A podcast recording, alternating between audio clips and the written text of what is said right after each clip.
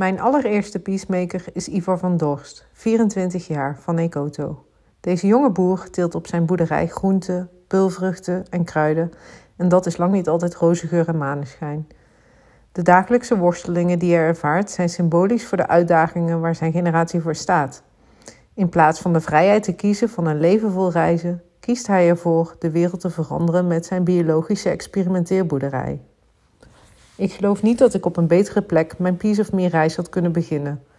Vanaf het eerste moment dat ik Ivar sprak, ben ik onder de indruk. Als je niet zou weten dat hij pas 24 is, zou je denken dat hij al een heel leven achter de rug heeft.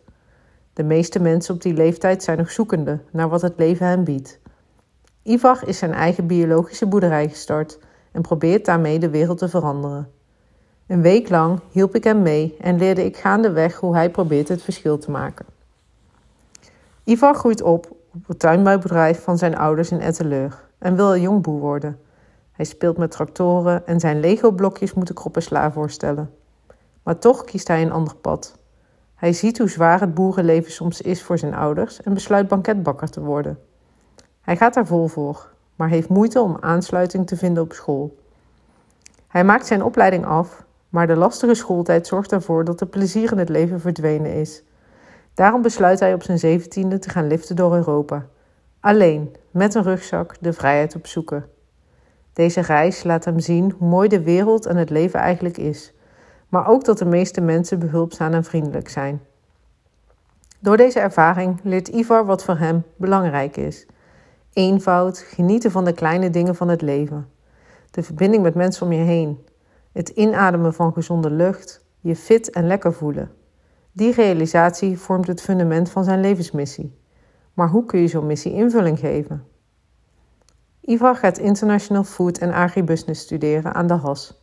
In de klas kijken ze de documentaire Dead Donkeys Fear No Hyenas. En dat maakt iets in hem los. Het zorgt voor het bewustzijn dat zijn eigen aankoopgedrag in de supermarkt direct invloed heeft op misstanden in de voedselketen. Want vaak weet je eigenlijk helemaal niets over de totstandkoming van het product dat je koopt. Dat moet toch anders kunnen? Daarom start hij in het voorjaar van 2020 Ecoto, een webshop met duurzame, gezonde producten waarvan de herkomst volledig transparant is. Tijdens de ontwikkeling van die webshop merkt hij dat de boeren waar hij zijn producten inkoopt vaak worstelen met de ontwikkeling van nieuwe innovatieve gewassen.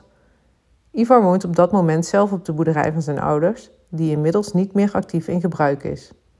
Hij besluit om zelf wat gewastesten voor collega-telers op te zetten, maar dat loopt een beetje uit de hand.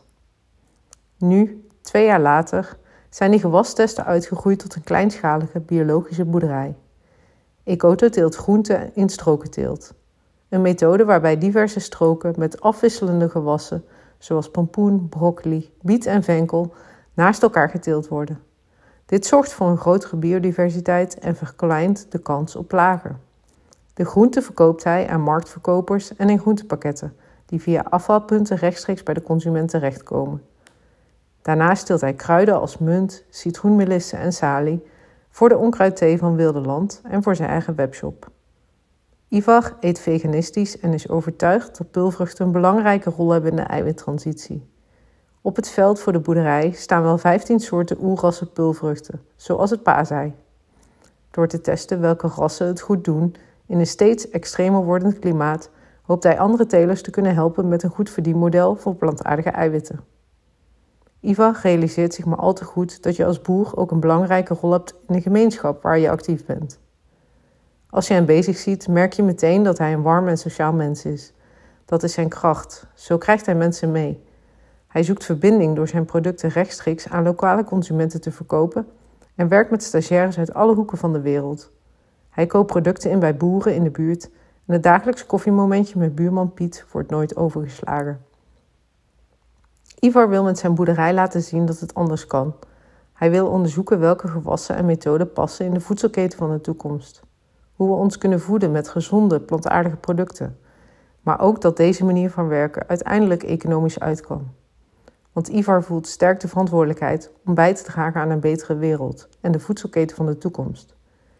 Dat lukt naar zijn idee niet door alleen maar te roepen dat hij iets vindt.